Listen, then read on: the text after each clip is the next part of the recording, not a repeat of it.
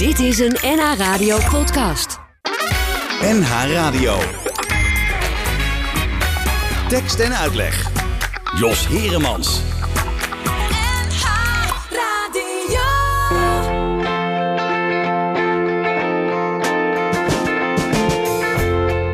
Je ziet er niet uit. Ze zit achter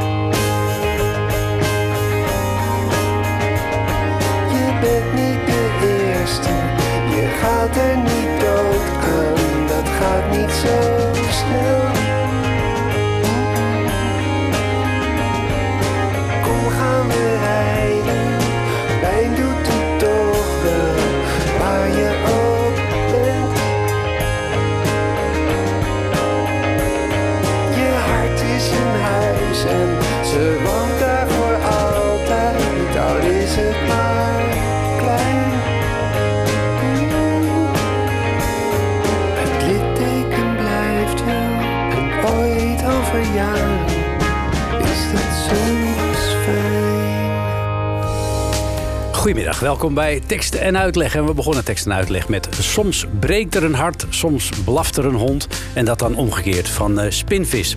En dat eh, doen we niet eh, voor niks, eh, want we gaan het hebben over gebroken harten, over liefdes, angsten en honden. En dat doen we met Janneke de Bijl.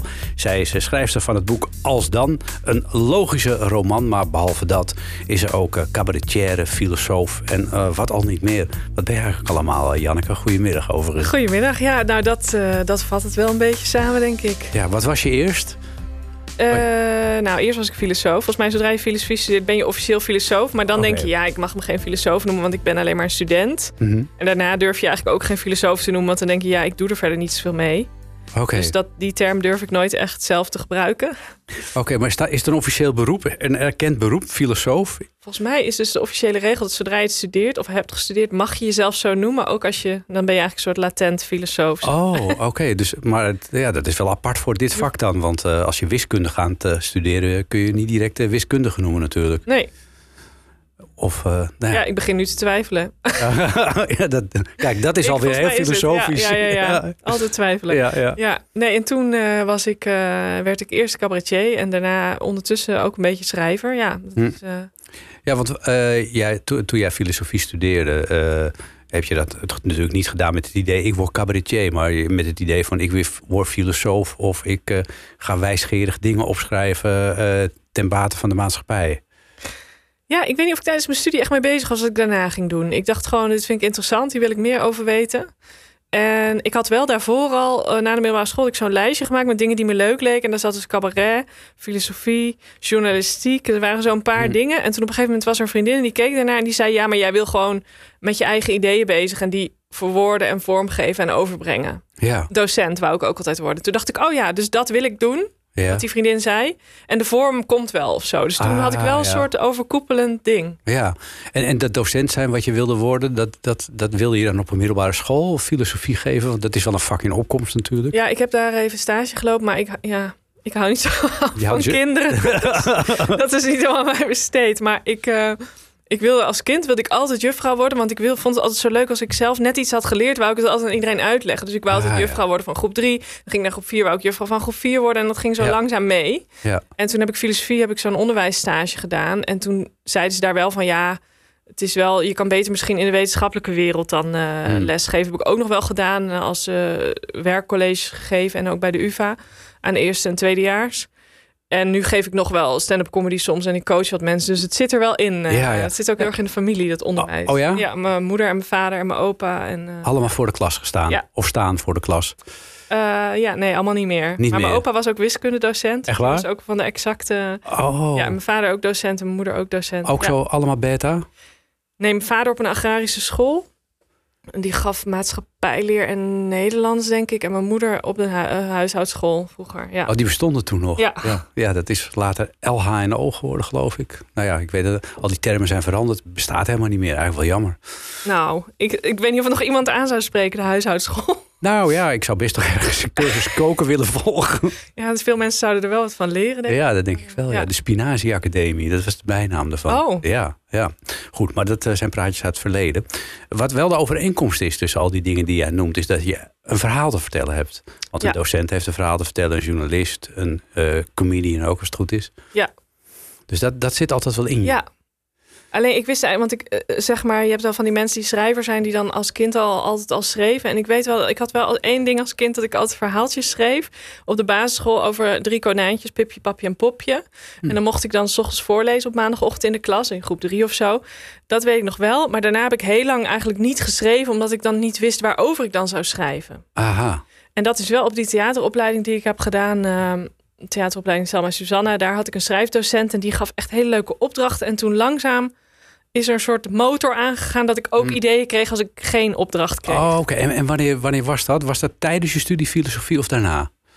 Ja, ik ben toen ik mijn scriptie schreef voor filosofie, ben ik die theateropleiding daarnaast gaan doen. Oh, dat was denk ik oké. 2006 of zo. Ja. En daar had ik een hele leuke docent, Carianne den Boer. En die gaf van die opdrachten waardoor je ook met teksten kwam die ook iets met jou te maken hadden. Dus, dus dat het wel persoonlijk was. En toen langzaam kreeg ik steeds meer ideeën waar ik dan over wilde schrijven. Maar is dat niet, eh, eh, komt het niet heel dichtbij? Dan als je meteen begint met eh, dingen he- heel erg over jezelf te schrijven. Dat kan ook heel, eh, ja, kan ook een drempel zijn. Ja, kan ook makkelijker zijn om gewoon over iets te schrijven als het weer of, of drempels in een tram of zo. ja, maar dat vind ik dan ook niet zo interessant, want dan heb je er niet zoveel mee of zo. Dan is het gewoon een oefening. Ja, Dus je moet wel, je moet wel iets ermee hebben. Je moet er wel het linken aan jezelf, denk ik. Ja. oké. Wat was het eerste verhaal dat je toen schreef? Weet je dat nog?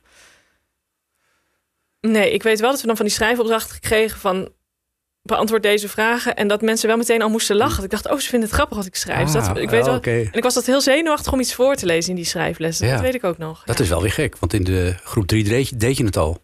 Ja, Ja. toen, eh, toen vond iedereen het gewoon hartstikke leuk. Toen Ja, vond er nog niks op het spel voor gevoel. Maar- En werd er toen ook al gelachen om de drie konij- konijntjes? Nee, daar viel echt weinig te heel serieus. Maar het werd wel door iedereen nagedaan. Dus mijn klasgenootje. De week Ja. daarna had iemand... Ik had dus Pipje, Papje en Popje. De week daarna had iemand een verhaal over Sipje, Sapje en Sopje. En daar was ik echt boos over. Dat vond ik echt niet leuk. eh. Plagiaat. Ja. Op jonge Dus leeftijd. daar wil ik alsnog werk van maken. Ja, denk ja zou ik zeker doen. Ja. Er zit, zit misschien nog wel een kinderboek in, toch? Je hoeft eh, zelf eh, geen kinderen te hebben om goede kinderboeken te schrijven. Oh, ze waren wel slecht hoor, die verhaaltjes, als ik ze Nou- teruglees. Het was zo van, ze zitten opgesloten in een kooi. Oh, ze blijken toch bij de sleutel te kunnen. En dan konden ze er weer uit. Nou ja, dan moet je er nog iets omheen verzinnen. Ja, het moet iets, dan moet er iets meer gelaagdheid in misschien. Ja, ja. Maar goed, dat, dat zou je nog kunnen doen natuurlijk. Eh, je bent hier ook eh, omdat je eh, natuurlijk dat prachtig mooie boek Als Dan heeft geschreven, hebt geschreven. Een logische roman. Daar gaan we het straks uitgebreid over hebben. Een van de hoofdpersonen in jouw... Nou, hoofdpersonen. Een van de figuren in jouw boek heet Abel. Toen dacht ik, ja, Oh ja, kunnen we Abel natuurlijk niet achterwege laten. leuk.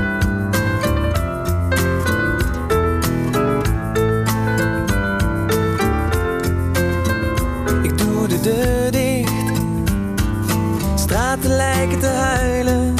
Wolken lijken te vluchten. Ik stap de bus in.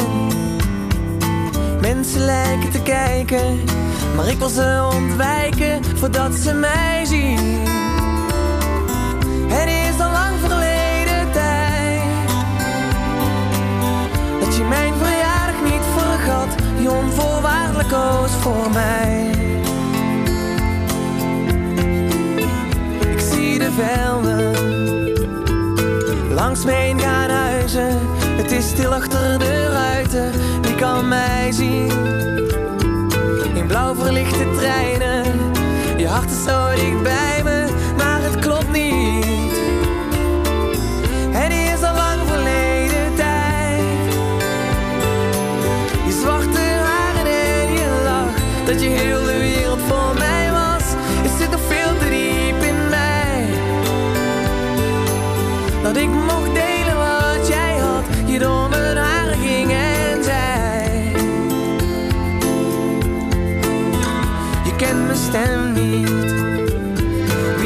wat je nu ziet.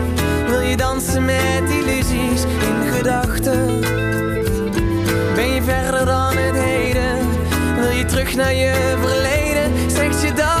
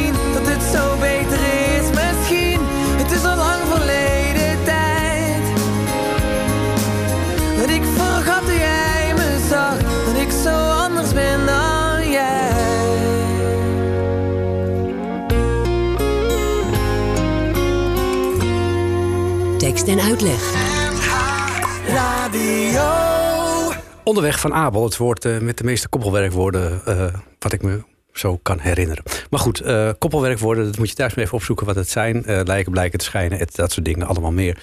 En dan kun je daar hele leuke dingen mee verzinnen op, ja, op dit nummer. Gewoon een leuke oefening voor in het weekend. Maar goed, dit geheel terzijde.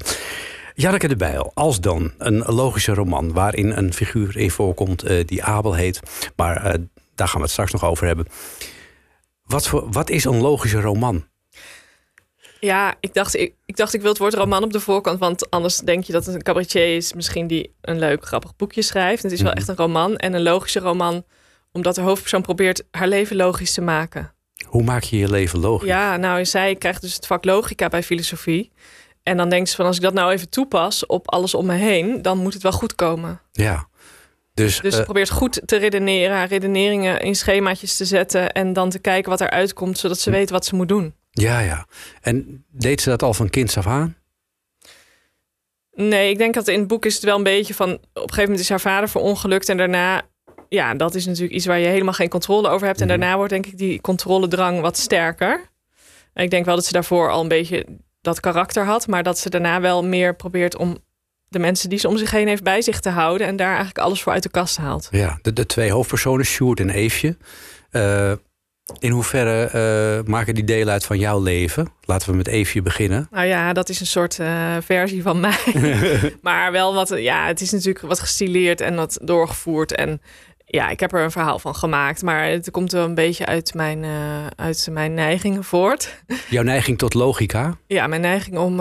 en ook een beetje dat verlatingsangst, wat ik op die leeftijd wel had. Van ik moet wel dat vriendje houden. Helemaal niet Mhm. me afvragen of het eigenlijk wel bij elkaar past of zo. Maar gewoon van deze persoon moet ik bij me houden. Ja. Dat herinner ik me nog wel heel sterk van zo'n eerste echte relatie. Eh, dus ja, in het echt, zeker nu, functioneer ik wel iets beter dan de hoofdpersoon Oh, oh, in ja. het boek. Dus ja, dat is oh, wel oké. de Ja, ja, ja, ja. Dus, ja. dus het gaat over. Ga je, dan, over, ga je dan ook minder logisch denken? Nou, misschien minder proberen om alles de hele tijd op die manier te duiden. Misschien Mm. iets minder tijd daarin steken. Oh ja. iets meer andere dingen doen. Iets meer, maar ja, wat, wat ik uit het boek eh, lees, eh, is, is het niet dat je daar de hele tijd eh, mee bezig bent, maar je probeert het ook te vatten in formules. Ja, want ze krijgen dus op de studie krijgen ze dus van die, van die, van die ja, predicatenlogica en argumentatietheorie. Dus dan kan je dus, ja, dan kan je eigenlijk de gewone taal kan je eigenlijk omzetten in een wiskundige taal, Mhm. waardoor je hem exacter maakt. En als je vervolgens die wiskundige taal hebt, kun je daar exact dingen uit afleiden die gewoon geldig of ongeldig zijn. Dus zij wil naar dat zwart-witte toe van die wiskundige taal. Ah, ja, ja. Ja, Want dan is het duidelijk wat ze moet doen. ja, ja. Ik, Maar- ik, ik- ja, ik moest dan denken aan dit. Wat heb ik nou aan al? Nu ik voor de keuze sta. Loekie Knol, Ik ken het niet. heel oud liedje. Wat heb ik nou aan algebra? Oh ja. En dan Ah gaat ja, over de dus. liefde. En ja, hoe kun je, hoe kun je liefde in, in, in, in een formule eh, vatten? Ja, daar gaat het natuurlijk een beetje mis. Dat ze probeert om daar ook haar relatie mee te redden. Ja. Terwijl je natuurlijk al wel aanvoelt dat niet alle thema's in het leven zich lenen voor deze aanpak. Nee, het, het zou wel makkelijk zijn. Je hebt ook Ja, mensen die, heerlijk. die, die maken zo'n beslisboom Oh ja, over of ze wel of niet eh, eh, met hun relatie doorgaan. Echt? Ja, Zie je, niet en minnen. Ja, ja, ja. ja, gewoon een lijstje. Ja. ja. En, Ja. En, en wat zijn de argumenten die, je- die je eh, voor jezelf eh, bij het maken van dit boek eh, bedacht om, om Eefje mee te geven? Wa- wa- Wat waren haar belangrijkste ja, zeg maar, ehm, redenen om wel of niet bij elkaar te blijven? Nou, ik denk dus dat ze dat hele bij elkaar blijven helemaal niet ter discussie stelt. Dat zij wil gewoon niet alleen zijn. Zij wil niet nog een keer iemand kwijtraken zoals haar vader is kwijtgeraakt. Dus daar, daar toont ze eigenlijk niet aan, aan die overtuiging. Dus hij moet sowieso bij haar blijven. Mhm. Dus de redenering gaat de hele tijd over hoe, krijg ik dat, hoe kan ik dat het beste aanpakken. Ja, en, en, en hoe, eh, hoe pakt ze dat uiteindelijk aan? Nou ja, daar heeft ze allerlei. eh, eh, daar gebruikt ze bijvoorbeeld ook de theorie voor van de hondenschool. Over hoe je je hond Mhm. kan conditioneren. Want dat schijnt ook bij mensen heel goed te werken. Dus dat je Oh. dus beloont, het goede gedrag beloont. wat jij dus wenselijk vindt. Oké. Eh, ja, dus daar heeft ze allerlei. ze probeert van alles uit eigenlijk. Ja. Ze probeert zich in te lezen in zijn reisplannen. Zodat ze daar genoeg van af weet. Zodat ze daarover mee kan praten. Terwijl het er helemaal niet interesseert. Dus ze gaat steeds verder van zichzelf af eigenlijk. Ze haalt steeds meer uit de kast om. Ja, maar was dat ook haar grote liefde van Eefje, Sjoerd? Of was het meer, ehm klampte ze zich meer aan hem vast? Ja, ik denk toch dat laatste. Ik denk eigenlijk van, buitenaf als je het leest, ik weet niet hoe jij het had, dat je denkt ze passen eigenlijk niet zo goed bij elkaar. Mm, nee, dat denk, Dus- ik, dat denk ik ook. Eh, van de andere kant, als je het leest, dan denk je ook wel van ja, eh, het, het is allemaal nog een prille relatie. Het Ja. gaat over een studententijd. Dan is dat natuurlijk altijd een beetje wiebelig. Ja. En iedereen wil een wereldreis maken. Ja. Eh, behalve Eefje. Die ja, heeft daar niet heeft niks met reizen. Nee. Die heeft helemaal niks met reizen. Die reist liever in haar hoofd. Ja. En eh, ja, geeft die jongen de vrijheid, denk ik dan. Maar je voelt al aan, dat, gaat geen match. dat, nee. dat, dat gaat hem niet worden. Die gaat Nee. daar dingen doen die zij niet leuk vindt. nee. Heb je dat zelf ook meegemaakt? Nou, ik weet niet wie hier allemaal naar luisteren, maar ik heb dus wel een ex-vriendje gehad wat, wat, nou ja, waar het een beetje op indirect op gebaseerd is. Die dus ook eigenlijk niet bij mij paste, maar waar ik dan toch niet. Ja, ik dacht ook daarna vind ik niemand anders meer of zo, denk Mhm. ik onbewust hoor. Van dit, deze moet ik houden. Ik Mhm. weet niet waarom, maar ja, en ik, ik wou ook niet alleen zijn. Ik ben nog steeds helemaal niet graag alleen, maar dat je dan eigenlijk niet die afstand neemt en kijkt van joh, misschien is het wel oké als dit uit elkaar gaat. Misschien is dit in ieder geval nu geen match. Ja, maar ik denk dat je met name als je 20, 21 bent, dat je die afstand nog helemaal niet kunt nemen. Nee. Nee, niemand had er, ik denk ook niemand had ook kunnen zeggen, joh, dat had niet geholpen. Je moet dat Nee. echt zelf daar doorheen of zo. Ja. Ja. En dan, ja, dan, En dan blijkt je nog te leven als het dan uitgaat. Dan blijkt dat je eigenlijk best wel alleen kan zijn. Ja, dat je gewoon nog. ja, maar toch wil je dat niet. Nee, nee. Ga je dan heel snel op zoek naar iemand anders? Nou, mijn huidige vriend heeft wel eens gezegd, want ik zei wel eens, want hij kan heel goed alleen zijn. Ik zei ja, maar eigenlijk heb ik jou dus veel harder nodig dan jij mij. En toen zei hij nee, jij zou gewoon meteen iemand anders zoeken. Jij hebt gewoon iemand nodig. Oh ja, Toen iemand. dacht ik, ja, dat klopt eigenlijk Ja, wel. dat lijkt bijna inwisselbaar. Maar dat is natuurlijk niet zo. Nee. Maar wel, ja, ik denk wel dat er mensen zijn die goed op zichzelf kunnen en mensen zijn die daar meer moeite mee hebben. En ik hoor wel tot de laatste categorie. ja, maar je hebt ook mensen die kunnen heel goed... ehm, soms samen, soms apart. Heb jij heel lang gelat, bijvoorbeeld? Of, eh, Nee, ik Niet. wil altijd samen. oh, je wilt... ik wil gewoon niet alleen zijn. Ik vind het helemaal niet gezellig alleen in zo'n huis. Ik moet er niet aan denken. Nee. Maar ik probeer natuurlijk wel eh, een soort... Die vriend die ik nu heb, die past ook wel bij me. Oh, Dus dat wil ik niet. Nee, heb je hem al lang? ja, al twintig jaar. eh. al twintig jaar? Ja, Oké, was dit, die was die meteen eh, na, na Sjoerd? ja klopt eigenlijk wel. Ja. Ja. Ja, oké. ik denk dan die maar houden. Nee. Ja, Ja. ja. Daar zou je nog in hetzelfde zitten. Ja, nee. Ehm, Eefje en Sjoerd hebben we. Dat eh, zijn eh, zeg maar de twee eh, ge- geliefden die eh, op eh, kamers huizen in een studentenstad. Die eh, stoten elkaar af, die trekken elkaar aan. Sjoerd gaat zijn eigen weg. Eefje probeert haar logische redeneringen uit op Sjoerd om de eh, relatie in stand te houden. En dan is er de vader eh, van Eefje. En die komt om bij een motorongeluk. En dan hoort Eefje op een gegeven moment ook op de radio een lied. Ja, Moet ik daar iets over zeggen? ja zeg daar maar iets over. Ja, nee, ik, ik dacht misschien ga je hem aanzetten. Maar ehm, Dat doe ik zo. nee, ik heb, de- ja, dit heb ik niet zo verzinnen, dit deel van het verhaal. Want dit, en daar dacht ik al, dit verhaal zou ik nog een keer op kunnen schrijven. En die Mhm. komt mooi nu in dit boek. Eh, want mijn vader is echt overleden bij motorongeluk. Dus dat, eh, dat weet ik gewoon allemaal nog precies hoe dat ging. En ehm, dat is inmiddels bijna 26 jaar geleden. Mhm. En toen was hij net dood. En toen hoorden we op de radio Dit lied. dit lied. Ik zeg oeh.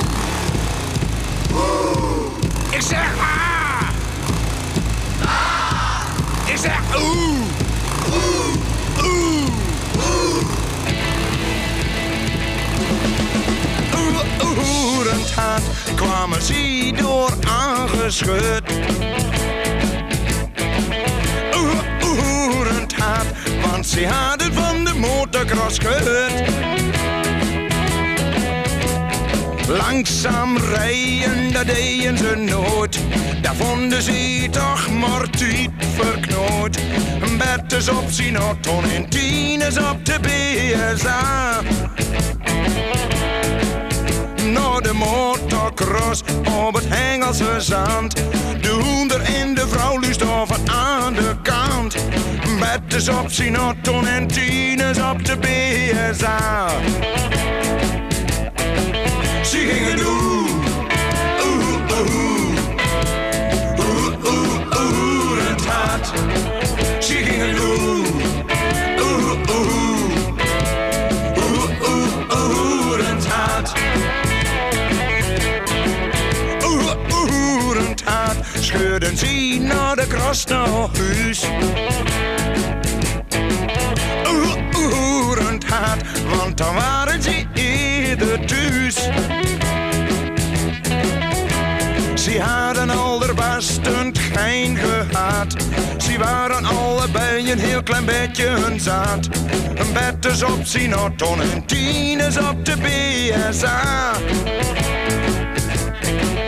Aan het gevoor hadden ze nog nooit gedacht. Ze waren koning op de weg en dachten alles mag. Een betters op Sinaton en tieners op de BSA. Ze gingen doen. Oeh, oeh. Oeh, oeh, oeh, het hart. Ze gingen doen. Oeh, oeh. Oeh, oeh, oeh, het hart. Maar zoals altijd kwam dat gejakker een eind. Deuren zat de keel die de snelheid van een motor niet kent. Bettes reed erop en Tines kwam er vlak achteraan. Iedereen die zei van die leur hier nooit meer wat van. Ze gingen nooit, nee nee nooit, nooit meer oerend hard. ze gingen nooit, nee, nee, nooit, nooit meer oerend hart. Maar wie gaat u, oeh, oeh, oeh, oeh, oerend hart. Maar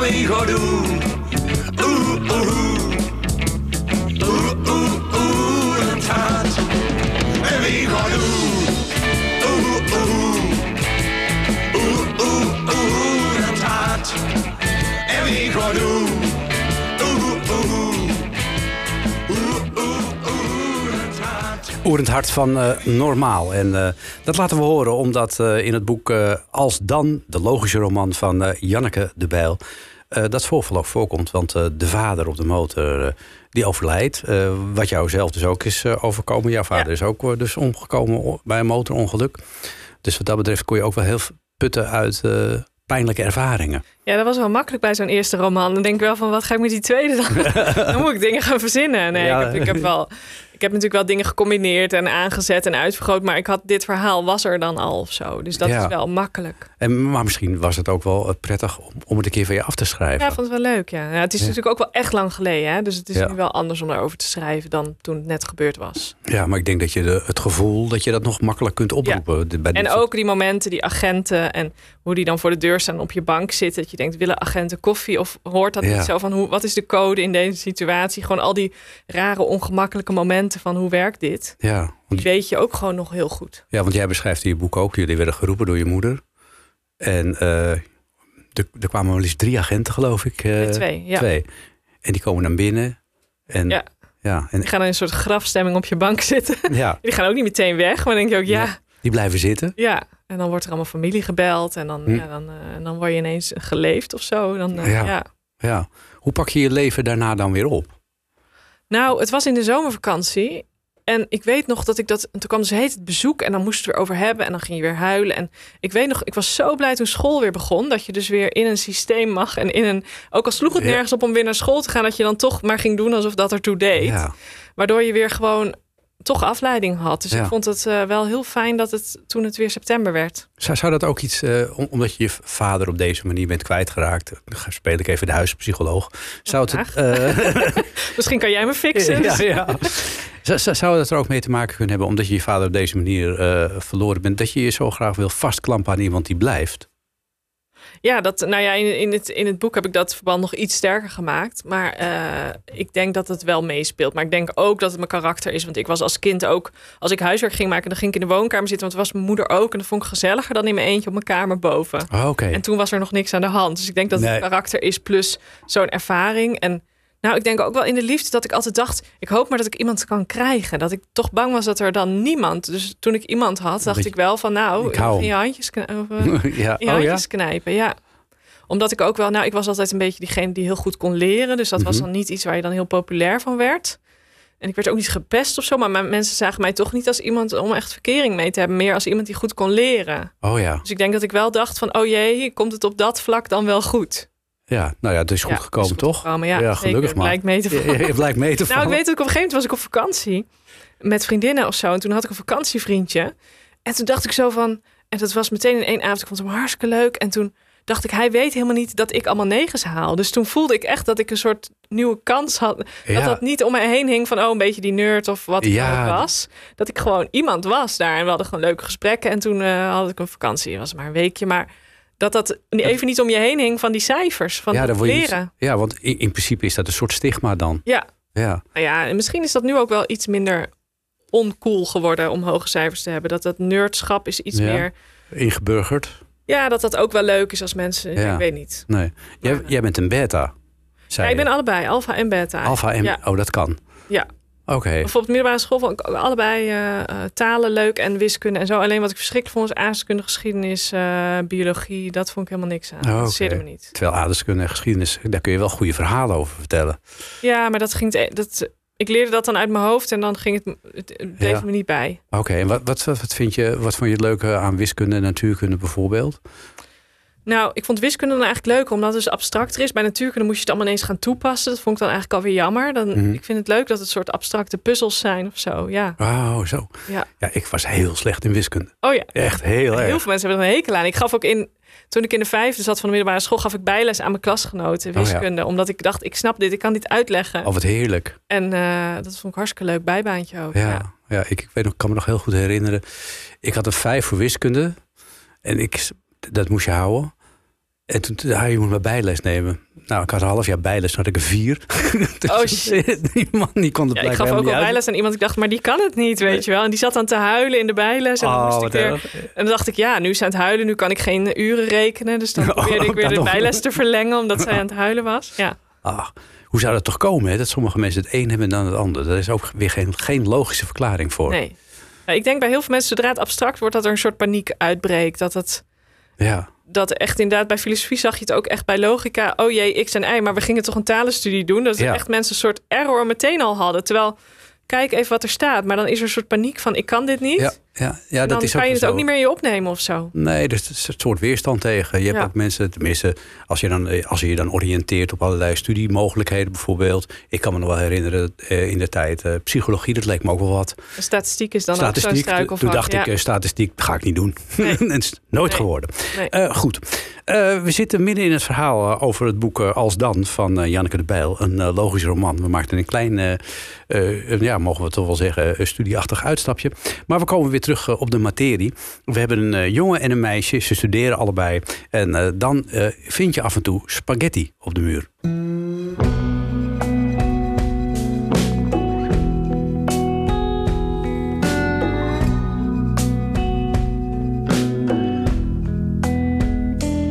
Je staat al uren in de keuken.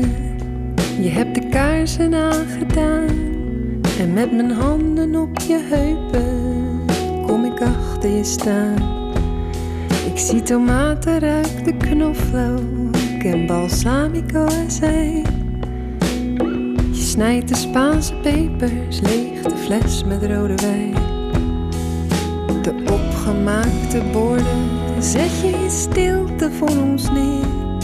Je zegt vanavond wil ik praten. Ik kijk je aan en vraag alweer. Ik voel hoe mijn spieren spannen en mijn gezicht van kleur verschiet. We hebben al genoeg gepraat en zo komen we er niet. Met een oorkreet ga ik staan en dan smijt ik overstuur. Met een bovenhandse strekworp mijn bord spaghetti tegen de muur. Spaghetti op de muur. Schreeuwen tot de buren verstaan. Spaghetti op de muur. Geen dagenlange stilte, maar een spugende vulkaan. Spaghetti op de muur.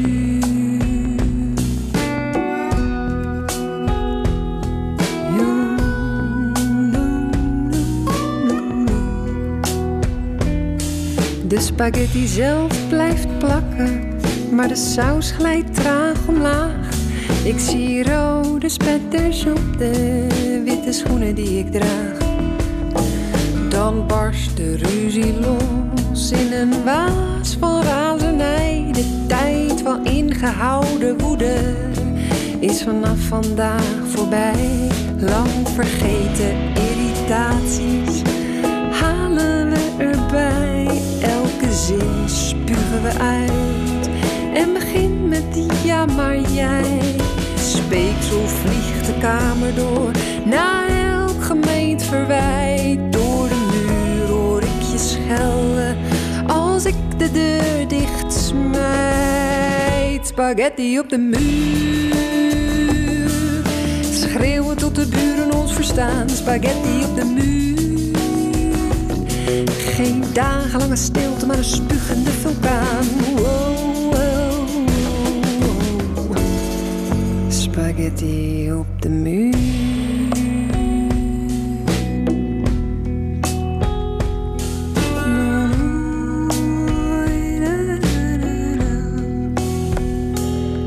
Met mijn handen in mijn zakken loop ik bevend door de straten. Nu je dit van mij gezien hebt, zul je me verlaten.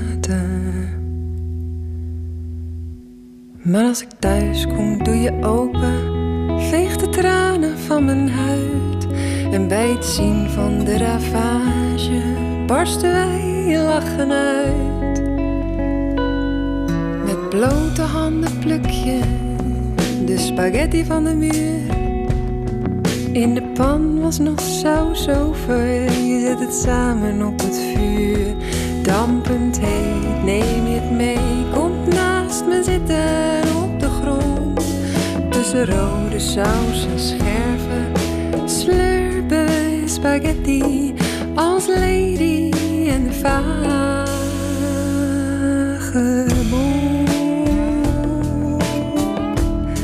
Spaghetti op de muur. Tekst, tekst, tekst. En, en uitleg. En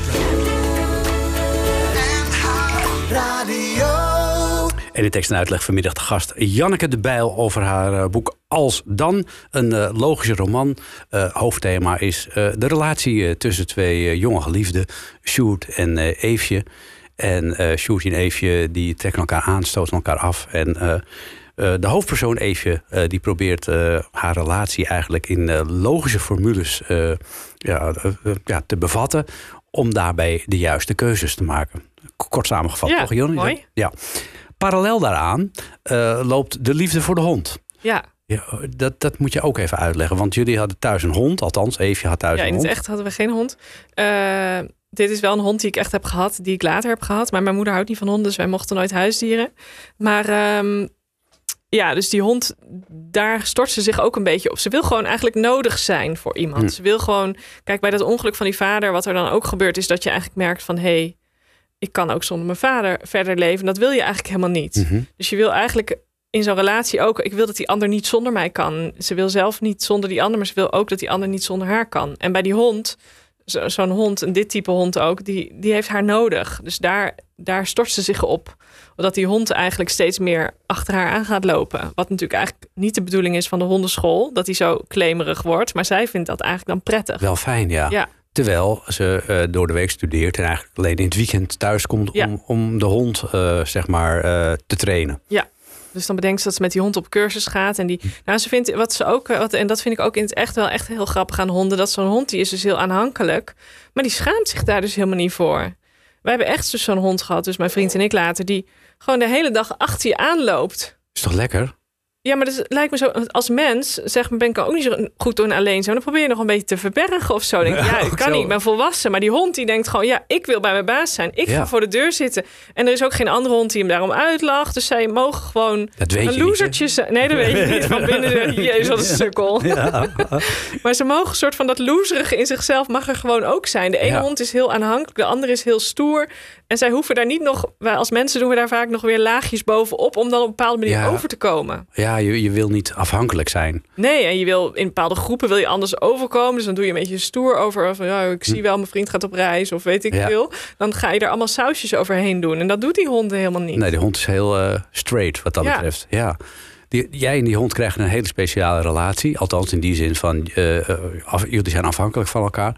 Maar op een gegeven moment probeer je ook eh, de dingen die je leert in de hondencursus... te projecteren op je eigen relatie. Ja, dat eh, was dat is een nieuwe, interessant. eh, niet succesvolle manier om de relatie te, te fixen. Ja, maar het is wel zo dat conditionering, dat is dus echt zo in de hondentheorie. Dat werkt eigenlijk echt bij alle diersoorten. Dat we eigenlijk natuurlijk, als wij beloond voor dingen worden, dan gaan we ze vaker doen. ja. En dat werkt natuurlijk ergens bij mensen ook zo. Dus er zit wel iets in die gedachte. Alleen zij probeert het zo toe te passen dat ze dus eh Sjoerd op de juiste momenten beloont, waardoor hij dat gedrag, ja, de hele tijd dat gedrag te Hoe- en vertonen. hoe, beloont, hoe wordt Sjoerd dan beloond? Nou, som, één keer echt met koekjes, zonder dat hij door heeft dat zijn lievelingskoekjes, eh, dat die expres uit de kast worden getrokken. En soms ook met seks. Eh, dus ze probeert dat allemaal. Ze is helemaal niet meer bezig wat ze zelf wil. Ze probeert dus Mhm. te bedenken hoe ze zijn gedrag kan, eh, ja, stabiel kan krijgen en Ja. eh, kan zorgen dat hij doet wat zij wil. Ja, en toch zegt Sjoerd op een gegeven moment van... ik, eh, ik ga wereldreis. Ja, Ja, maar we gaan, we gaan even terug naar de hond. ja, Eh, de, de hond eh, die ontwikkelt. eh, nou, je, je, je gaat de hoofdpersoon, laten we, want laten we het vooral over de hoofdpersoon hebben. Eefje die krijgt een steeds sterkere band met die hond. En die denkt op een gegeven moment dat de hond niet meer zonder haar kan. En dat die Ja. echt mee moet. ja, ze verpest hem eigenlijk gewoon. Ja. Want hij, daarvoor was hij nog, gedroeg hij zich nog wel. Maar ze maakt eigenlijk die aanhankelijkheid sterker, want die vindt zij prettig. Dus op Mhm. een gegeven moment kan die echt niet meer. Kan die ook niet meer alleen thuis. Nee, het is, hij- eigenlijk wordt het van kwaad tot erger op die Ja. manier. Ja. En in plaats van dat de hond wordt opgevoed, eh, wordt hij eigenlijk. Ja, je, je kunt dat niet. Want eh, er is sprake van dat hij allerlei dingen doet die hij normaal gesproken nooit zou doen. Eh, hij gaat overal, hij gaat plassen en dat soort dingen op plekken waar Ja, omdat zij hem ook niet meer uitlaat. Dan beredeneert ze weer. Dus dat is ook als je iemand zeg maar goed kan nadenken. Dat wou ik ook wel in het boek laten zien. Mhm. Want mensen denken soms bij mij ook een beetje omdat ik vrij. Dan denken ze ja, maar jij kan wel alleen zijn of met het leven omgaan. Want jij kan goed nadenken. Maar als je heel goed kan nadenken, kan je ook heel goed de verkeerde kant op nadenken. Mm. Dus je kan net zo goed die nadenkkracht inzetten om helemaal het verkeerde te bedenken. Ja, er is En geen, dat is eigenlijk wat zij ook steeds doet. ja, er is geen punt van eh, dat je denkt van nu ga ik te ver een bepaalde kant op. Nee, want zij probeert het nog beter en nog beter. Maar de, in de aannames gaat iets mis. En vervolgens voert ze het zo ver door. En kan ze het allemaal heel goed bedenken eigenlijk. En Mhm. ergens kan je dus als lezer, als het goed is, wel volgen haar denkstappen. Maar je denkt toch van nee, dit moet je eigenlijk niet zo Nee. doen. En eigenlijk bereik je dan het omgekeerde. Want eh, nou ja, eh, Ja. met de hond loopt het niet eh, af zoals je zou willen dat het afloopt. Nee. De rest van het boek gaan we het straks nog even over hebben. Hoe dat dan weer afloopt. Met die hond komt niet meer goed. Dat, dat kunnen we wel vast verklappen. En het is een beetje ook het idee van ja, de, de afhankelijkheid eh, van iemand ten opzichte eh, van de hond ook. Ja. Eh, maar ja, dat eh, is eigenlijk wel een beetje die afhankelijkheid eh, die, die je kunt terugvinden in het lied van Thijs Boontjes. Dat is wel weer grappig. Ik ben je stok. En eh, ja, dit, dat is. eh, ja, het hondje komt er altijd weer achteraan. en hij laat zich weggooien. Ik ben je stok. Je gooit me weg en haalt me op. Dit is me veel te destructief. Je neemt mijn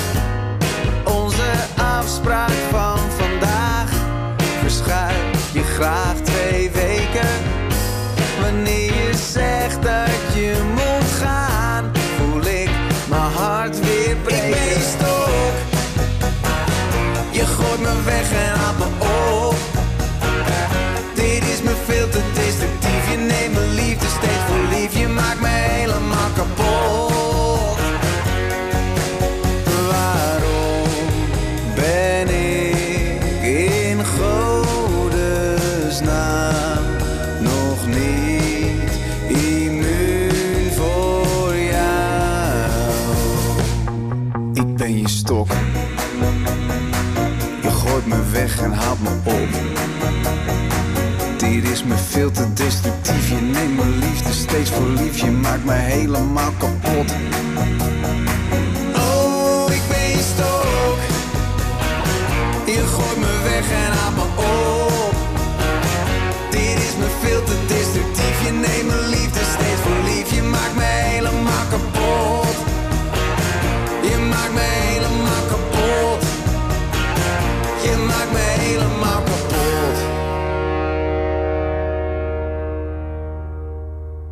Nu komt er wat. Tekst En uitleg.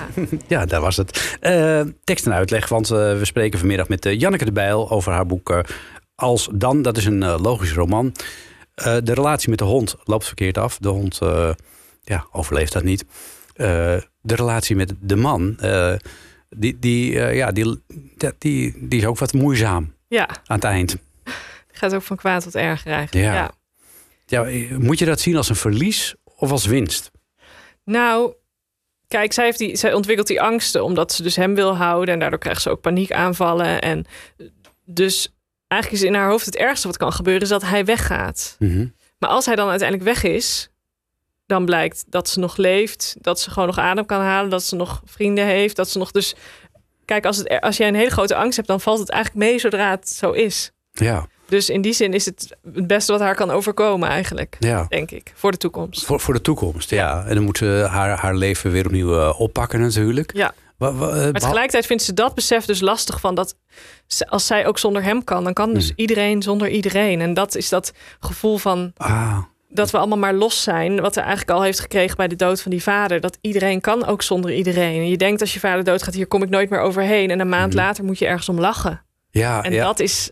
Dat is ergens ook een soort pijnlijk, ja, dat, essentieel pijnlijk, dat het leven zo werkt. Dat Ja. we ons wel hechten aan mensen, maar dat we ook zonder ze kunnen. ja. Eh, zou- maar mensen eh, puur als individu eh, leven, dat lukt ook niet. Mensen zoeken elkaar toch op. Ja, maar dus voor een tijdje. Ja. Dat vind ik zo hard of zo. Oh, nou ja, dit zijn Ja. toch ook eh, relaties eh, die heel lang duren? Nee, klopt. Maar daarna ga je het niet tegelijk dood. Meestal principe. niet. Nee, maar ik snap, ja, ik snap wel die behoefte of zo. Als men, dat hoor je soms, hè, dat mensen Mhm. dat tegelijk doen. Van, ja, maar het is toch heel hard dat je daarna weer in je eentje bent of zo. Ja, dat is ook wel weer waar. Maar ja, Ja. je vindt uiteindelijk wel weer een weg natuurlijk. Ja, maar dat maakt dus dat we dus toch allemaal het leven in ons eentje doen. Ja, eigenlijk ook een eenzame eh, conclusie. Jeetje. Ja. Nou ja, binnen, binnen een relatie kun je ook heel eenzaam zijn. Zeker, ja. Ja, Ja. ja dat, dat stemt er tot nadenken. Ja, nou ja, mijn levensvisie is niet heel rooskleurig, dus ik weet niet of je Ben jij eh, pessimistisch? Nee, ik ben wel, ik ben, eh, ik ben niet pessimistisch, maar ik ben wel in die zin nihilistisch of zo. Van dat, ja, Ja. het gaat allemaal nergens heen en dus de basis is nihilistisch. En Ja. daarbinnen ben ik best wel, heb ik echt wel lol in het Ja, leven. oké. Je, Ja. je bent wel, eh, je hebt je wel een vrolijke inborst, of niet? Eh, al- al- als je... Vrolijk zou ik willen zeggen. Maar wel, ik, ik doe wel wat ik leuk vind of zo. Ik haal wel voldoening en plezier uit veel dingen. En ik heb veel vrienden en ik ben dus ik, ik geniet wel van dingen. Maar vrolijk is niet mijn eerste neiging. Als je 's morgens wakker wordt, heb je niet meteen het idee van joepie. Nou, dan heb ik wel zin om aan het werk te gaan. Aan het werk te Ja, ik heb altijd zin om aan het werk te gaan. Oh, Oké, ja. een soort en, en wat, wat de, dan pak je de laptop, ga je schrijven. Ja. Ja, ja, ik vind dingen maken, dat vind ik gewoon het allerleukste. ja. Ja. En, en be- dingen bestuderen, doe je dat nog veel? Want eh, ja, eh, als je op zoek bent naar de logica, dan kan ik me ook voorstellen, dat, eh, en je bent filosoof, dat je eh Wittgenstein op je nachtkastje hebt Nee, liggen. nee, in het echt heb ik er een beetje afstand van genomen. Ook wel omdat ik dacht, je kan dat allemaal gaan lezen en er komt niks Mhm. uit. En wat, dus in het echt heb ik iets meer van dat ik denk, ga gewoon iets leuks doen. Mhm. Dus ik lees eigenlijk liever romans dan Ja. filosofieboeken. En ook gewoon een beetje in de tuin werken en sporten. En iets meer doen in plaats van denken, zeg maar. Oh, Dus in het echt ja. heb ik iets meer balans voor mijn gevoel nu. En is er een logica in het leven te ontdekken? Na eh, bijna nee, ru- 40 jaar en een beetje. eh, heb jij een bepaalde logica kunnen ontdekken in ons leven als mens? Hmm, geen alles overkoepelend iets. Nee, toch niet. Nee. Nee. Dus we moeten. nee, er zijn heel veel factoren die random zijn. En daarbinnen probeer je er het beste van te maken. En eh, dat moet je niet alleen met je hoofd doen, denk ik. Nee, je moet het met de, als de totale mens doen. Ja, en niet alles is met nadenken op te lossen. Misschien is dat dan wat ik heb geleerd. Ja, dat is een mooie conclusie. Eh, we gaan eerst even luisteren naar Esther Groenenberg. Met eh, een lied Angst voor alles. Want dat komt ook voor eh, in jouw boek. Hè. Eh, Eefje heeft eh, nogal wat angsten, zo her en der. En daarna gaan we even kijken wat je behalve het schrijven van deze roman nog meer doet. Ja. En eh, wat er eh, ons eh, binnenkort te wachten staat.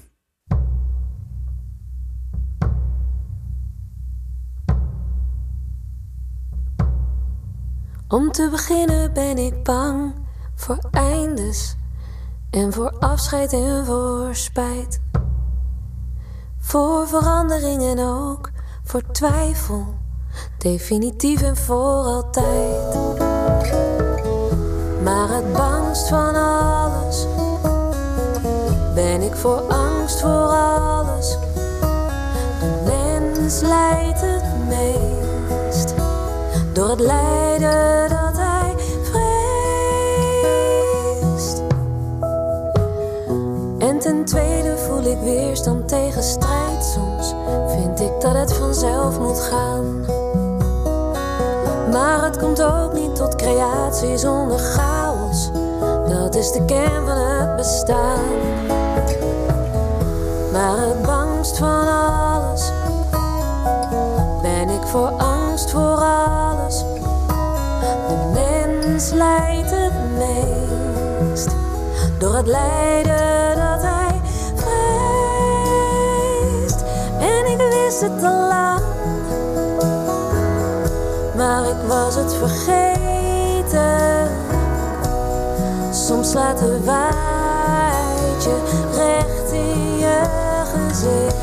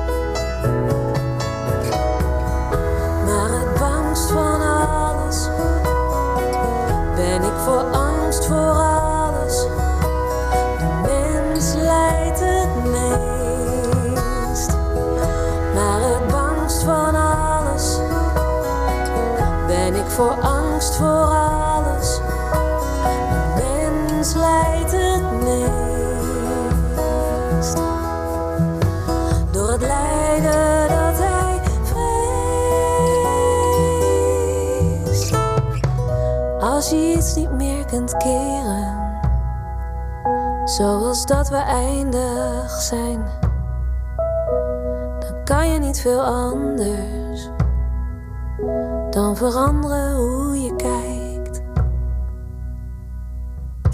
Tekst en uitleg. Radio. En we naderen het eind van de tekst en uitleggen met Janneke de Bijl over eh, haar boek Als Dan, een logische roman. Maar behalve eh, het schrijven van eh, boeken sta je ook op de planken. Als eh, stand-up comedian, cabaretière. Ja. Eh, je hebt een column op eh, Radio 1, ook eh, regelmatig bij Ja. de Niels BV. En eh, ja, je bent al aan try-outen. Wat, eh, wat ben je van plan?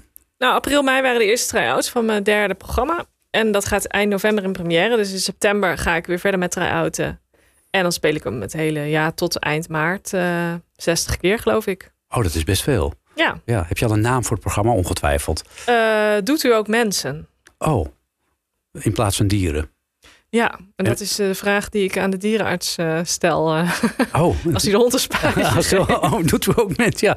Het, het, het zou wel een, ja, het zou wel wat zijn, zeg. Nou, Als dat zo makkelijk ging als bij de dierenarts, eh, stel ja, bij dieren zijn we daar wel... eh, zijn we daar vrij snel in. ja. Ja, maar ook voor in het belang van het dier. Maar bij de mens eh, is dat ingewikkelder. ja. Maar ja, is het in het belang van de mens? Dat is natuurlijk ook weer een filosofische vraag. Hè? En kan, een dier kan niet zeggen, nou doe Nou, maar niet. In de voorstelling vraag ik aan de dierenarts... Wat, wat is, hoe weet je nou zeker dat dit het moment is om een hond in te laten slapen? En dan zegt hij, nou ja, er zijn drie criteria. Hij moet naar je toe komen als je binnenkomt. Hij moet zin hebben om te eten en hij moet zin hebben om te wandelen. Hmm. En dan zeg ik, nou ja, dan hadden we deze hond tien jaar geleden al wel kunnen laten inslapen. Ja. En doet u ook mensen. Ja, ja, als je dezelfde criteria op mensen... eh, Precies. dan hou je niemand meer over. dan wordt het wel heel stil op Ja. straat. Nou goed, dat zijn dus de dingen die we kunnen verwachten in eh, jouw nieuwe programma. Eh, doet u ook mensen vanaf september weer in de theaters te zien. En daarna dus overal in het land. Ook première in november. Ja, in de kleine komedie. Kijk, dat is een mooie plek om je première te vieren. Zeker. natuurlijk. En eh, daar wensen we natuurlijk heel veel eh, succes mee. Maar eh, als je denkt van, weet je wat, ik ga eerst eens eventjes eh, lezen eh, wat er allemaal te eh, beleven valt tussen Eefje en Sjoerd. Dan moet je het boek eh, Als Dan kopen. Een logische roman eh, van Janneke de Bijl. Die uitgegeven door de Nijg en Van Ditmar. Dankjewel, Janneke de Bijl. Ja, gezellig. Ja, en we gaan eh, ook eh, straks na zessen nog gezellig een uurtje door eh, met tekst en uitleg. Want ik heb weer een uur lang prachtig mooie liedjes voor je bij elkaar gezocht. En daar kun je naar gaan luisteren. Straks na zessen dus. Tot zo.